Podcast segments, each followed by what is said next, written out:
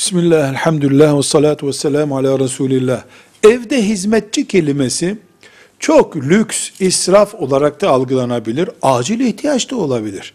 Asgari ücretle geçinen bir insan başka bir asgari, asgari ücretli evine hizmetçi almaz herhalde.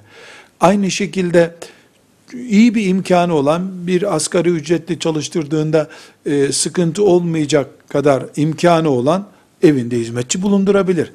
Evde hizmetçi bulundurmayı gereklilik gereksizlik açısından genel bir kurala oturtamayız. Şahıstan şahsa değişir. Yalnız evde hizmetçi bulundurmayı iki önemli ayrıntıya bağlarız. Birincisi mahremiyet kurallarına dikkat edilecek.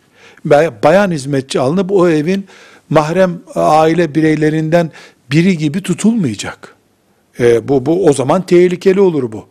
Yani bayan hizmetçi geldiğinde erkek dikkat edecek. Erkek hizmetçi geldiğinde bayanlar dikkat edecekler. O ayrıntı. iki, hizmetçi akidesini, sapıklıklarını, dalaletlerini eve taşır nitelikte olmamalı. Çocuklarımızın veya aile bireylerinin o hizmetçiden etkilenip etkilenmediğine bakacağız.